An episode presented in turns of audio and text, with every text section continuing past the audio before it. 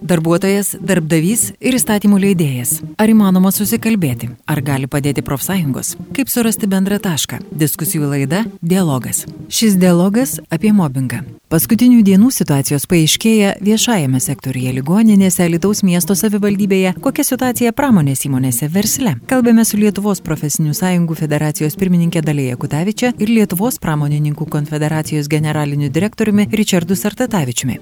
Diskusijų laida - dialogas šią savaitę. Labadiena, prie mikrofono Vilija Kvedaraitė ir šiandien dialoge svečiuose Lietuvos pramonės profesinių sąjungų federacijos pirmininkė Dalėja Kutavičia. Labadiena, ponė Dalė. Labadiena. Ir Lietuvos pramonininkų konfederacijos generalinis direktorius Richardas Ratatavičius. Sveiki, Ričiu. Labadiena. Nors mobbingo terminas, apie kurį mes šiandien ir kalbam, Lietuvoje paplito netaip seniai, manau, kad nekarta visi yra girdėję, kaip ką nors išėdė iš darbo, kas greičiausiai reiškia maždaug tą patį. Ir, ir dar tai vadinama tiesiog patyčiamis ar psichologiniu spaudimu. Na, tiesiog mobbingo terminas tikriausiai apima kažkaip pla, plačiau, kaip dabar mes jį suvokiam. Ir tą mobbingo savoką siūloma iš tiesų įtraukti ir į darbo kodeksą reglamentuojant ir jo prevenciją. Tad bandoma apibriežti, sureguliuoti, bet Pone Jekutavičia, kaip Jūs manot, kur riba tarp vadinamų nesutapusių biolaukų ir psichologinio smurto arba mobbingo? Kiek dažnai su tokiamis problemomis žmonės kreipiasi į profsąjungą, gal nebūtinai įvardydami mobbingu, gal kažkaip tai, sakykime, neįbeįmanoma dirbti, mane engia? Mobbingas paprastai yra apibūdinamas kaip ilgalaikis, sistemingas psichologinis teroras, kurį grupė taiko dažniausiai vienam asmeniui. Tai nedraugiškas žvilgsnis, pašaipi replika, pajuokianti bendradarbio išvaizda arba nuslėpta neteikia, neteikiama darbui reikalinga informacija, tarkim, apkalbos. Na, tai visa tai yra šio laikinės organizacijos pikdžaidės ir darbuotojai iš tikrųjų kreipiasi, pramonės darbuotojai gal rečiau kreipiasi į mus, bet kartais net jiems sunku įvardinti tą būseną ir tuos veiksmus, jie dažniausiai įvardina tą jauseną ir psichologinę būseną, kaip jie tuo metu jaučiasi, kai su jais yra atliekami tokie veiksmai. Tai nėra gan dažnas reiškinys pramonės įmonėse, gal apie tai mažiau yra kalbama, gal mažiau drąsos gal darbuotojai turi, nežinau bet e, šiaip mūsų atstovaujamose įmonėse tai e, pakankamai sveika darbo aplinka, aš sakyčiau. Ir, ir galbūt tas vat, pagrindinis yra veiksnys, kas įtakoja, kad darbuotojai retai kreipiasi pas mus. Iš tiesų, e, tai, ką ir ponė Dalė sako, ir darbo inspekcija teigia, kad mobbingas e, paplitęs viešojo sektorius keliose srityse, tokiuose kaip sveikatos apsauga, socialinės paslaugos, švietimas. Štai Alituje, Lietuvos miesto savivaldybės administracijos darbuotojai, darbuotojų profsąjunga kreipėsi, e, na irgi pareikšdama apie, apie mobbingą. Kaip yra privačiame sektorėje, ponė Sartatavičio, ar jums tenka susidurti su tokiais skundais ir kiek tai aktuali problema Lietuvos įmonėse? Kaip, kaip teisingai Dalė pasakė, iš tikrųjų, tikrųjų mūsų pramonės įmonėse, bent mes, pramoninkų konfederacija, tokių nusiskundimų iš tikrųjų dėl mobbingo konkrečiai nesam gavę. Ir tai nieko nuostabaus, kadangi mobbingas toks dalykas, jisai yra, nu kaip čia, žmonės bijo, kai kada kreiptis, e, nežino, į ką kreiptis. Apskritai, nu, apie mobbingą jūs sakot, mes Lietuvoje pradėjome neseniai kalbėti iš tiesų, bet aš pirmą kartą apie mobbingą Lietuvoje jau perskaičiau maždaug verslo žiniuose prieš kokių tarp, gal penkis, gal dešimt metų jau, jau atsirado tas terminas, apskritai mobbingas, niekas anksčiau nežinojo. Nu, na, dar, darbė tam būja, tai kokiam nors mokykloje tas pats gali būti mobbingas. Mobbingas tai ne tik išbūti iš darbo, aš tą noriu pasakyti. Mobbingas yra kur kas platesnis dalykas. Mobbingų, šiaip a, įdomiausia tai, kad jau 1966 metais a, toksai Konradas Lorenzas e, parašė knygą, kuri vadinasi On Aggression. Ir tai buvo apie pirmąjį mobbingą, kuris užfiksuotas tarp gyvūnų, tai paukščių ir, ir, ir, ir, ir, ir gyvūnų.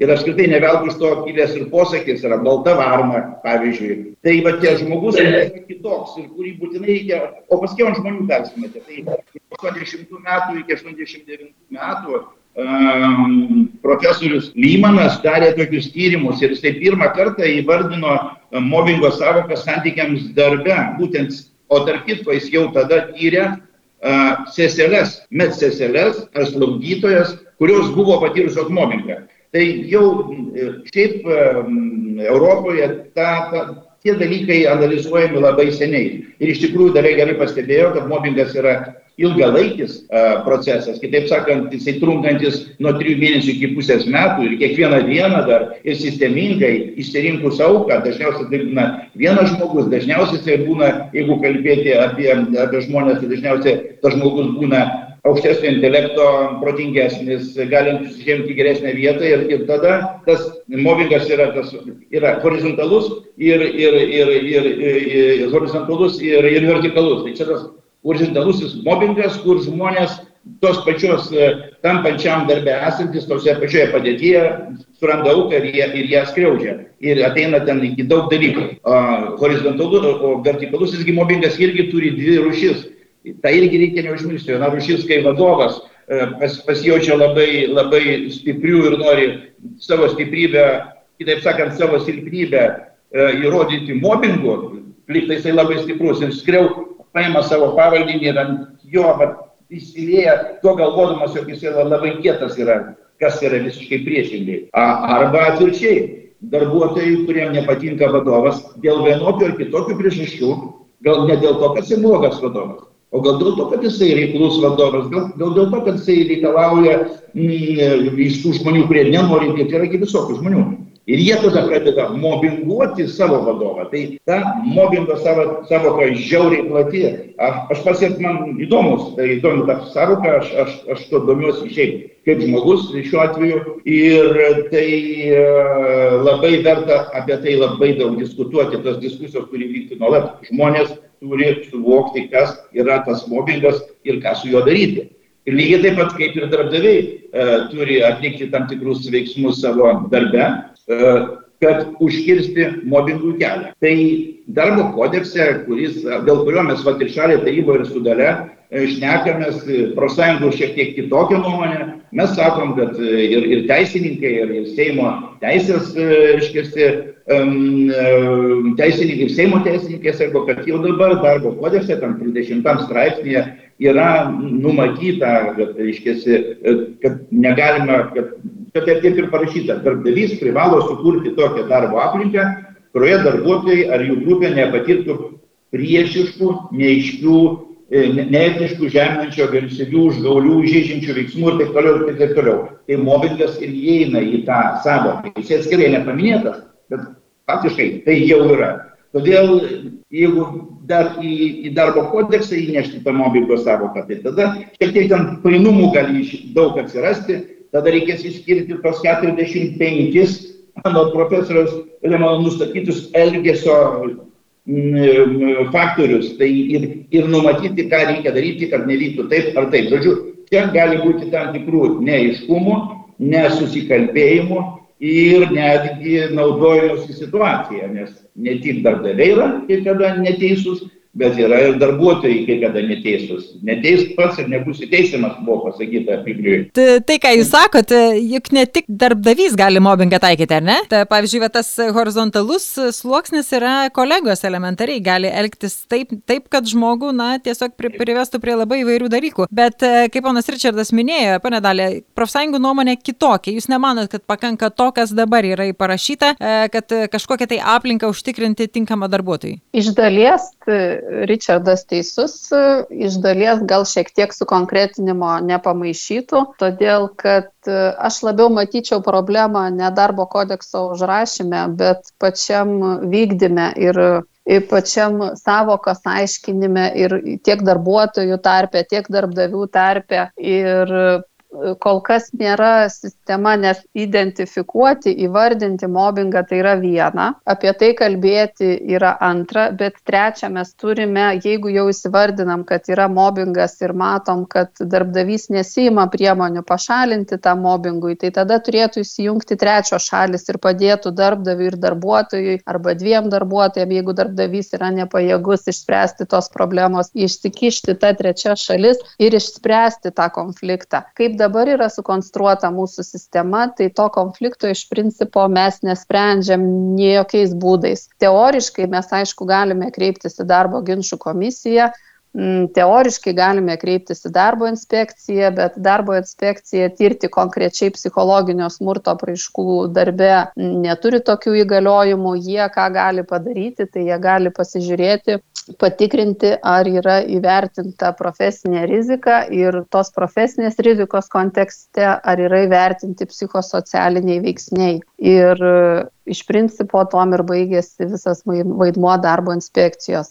Ir šiai dienai dvi konflikto pusės, sakykime taip, tas terrorizuojamasis ir tas terrorizuojantysis vis tik tai yra paliekami tą konfliktą išsispręsti patys, susitarti kažkaip tai gražiai, o kartais jau kai neišeina susitarti, ateiti į darbo ginčių komisiją. Bet darbo ginčių komisijose nu, lygiai taip pat yra didelė problema, todėl kad e, aš pati esu darbo ginčių komisijos narė. Tai mes kažkaip nesam specialiai apmokyti darbo ginčių komisijų nariai, kaip atpažinti, kad tikrai darbuotojas patyrė mobbingą kad tai nėra prisigalvojimas, kad tai, ką sako darbdavys arba darbuotojas, yra tiesa, nes aš įsivaizduoju, kad pasaulis apie mobbingą kalba jau nuo 58 metų, tai greičiausiai yra mokslininkų sukurtos tam tikros metodikos, tam tikri klausimynai, kad pasikalbėjus su viena ir su kita pusė būtų galima daryti tokią išvadą,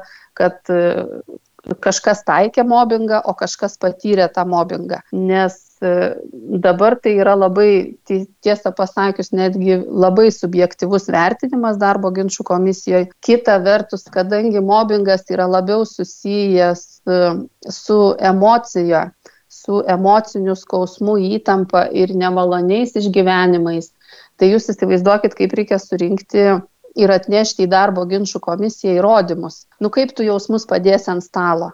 E, paprastai kolegos nelabai nori liūdyti, tie, kurie dar dirba, jie nelabai nori liūdyti nenori pykti su darbdaviu. Belieka vienas vienintelis įrašas, tai nebent elektroniniai laiškai arba tiesiog e, kažkokie keletas fragmentų pokalbių įrašyti, tiesiog įrašyti. Tie momentai, kada, kada darbuotojas skaito, kad buvo taikomas tas mobbingas. Tai mes iš tikrųjų šitoj vietoj dar turim tikrai daug ką nuveikti, ne tik kalbėti, bet ir daryti. Ir, ir tikrai čia reikėtų turbūt ir mokslininkus labiau pajudinti ir, ir, ir politikus, ir, ir profesiniam sąjungom, ir darbdaviam šiek tiek padirbėti atsiraitojus rankovės ir garsiai pakalbėti, ir kai ką padaryti, ir sistemą sukurti.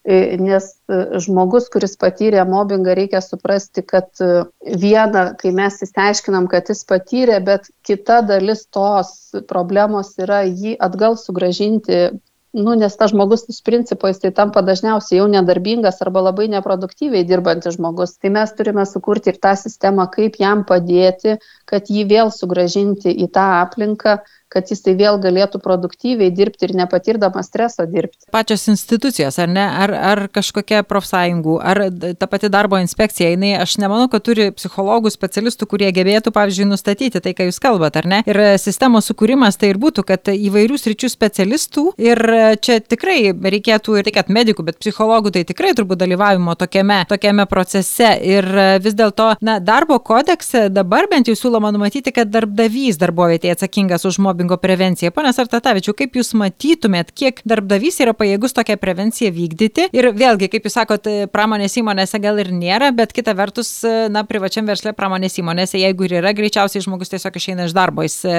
sunkiai vėliasi, dar stambiose yra profsąjunga, bet ne visur yra profsąjunga, ar ne? Ta prasme, tu ne visur turi net ir kreiptis, kur. Ir tada vienas, kai žmogus atsistoja prieš darbdavį, jam tikrai sudėtinga gali būti. Visiškai taip. Klausimas labai didelis, išsamus, painus ir ir, ir, ir sudėtingas, e, nu, priklausantis nuo labai daugelio faktorių. E, teisingai dalė pastebėjo, kad e, ir gali kreiptis į darbo ginčių komisiją, nepaminėjo, kad dar gali ir lygių galimybių kontrolieriaus tarnybą kreiptis, bet irgi žmonės nežino, bijo, nesikreipia. Kągi daryti darbo vietoje? Aš pasakysiu, aš turėsiu, aš turiu ir kelis pavyzdžius konkrečius, kas yra jau dabar daroma. E, didelėse įmonėse. Darbo vietoje darbdavys, be abejo, viskas priklauso nuo darbdavio. Aš kalbu dabar apie didel, didelius kolektyvus.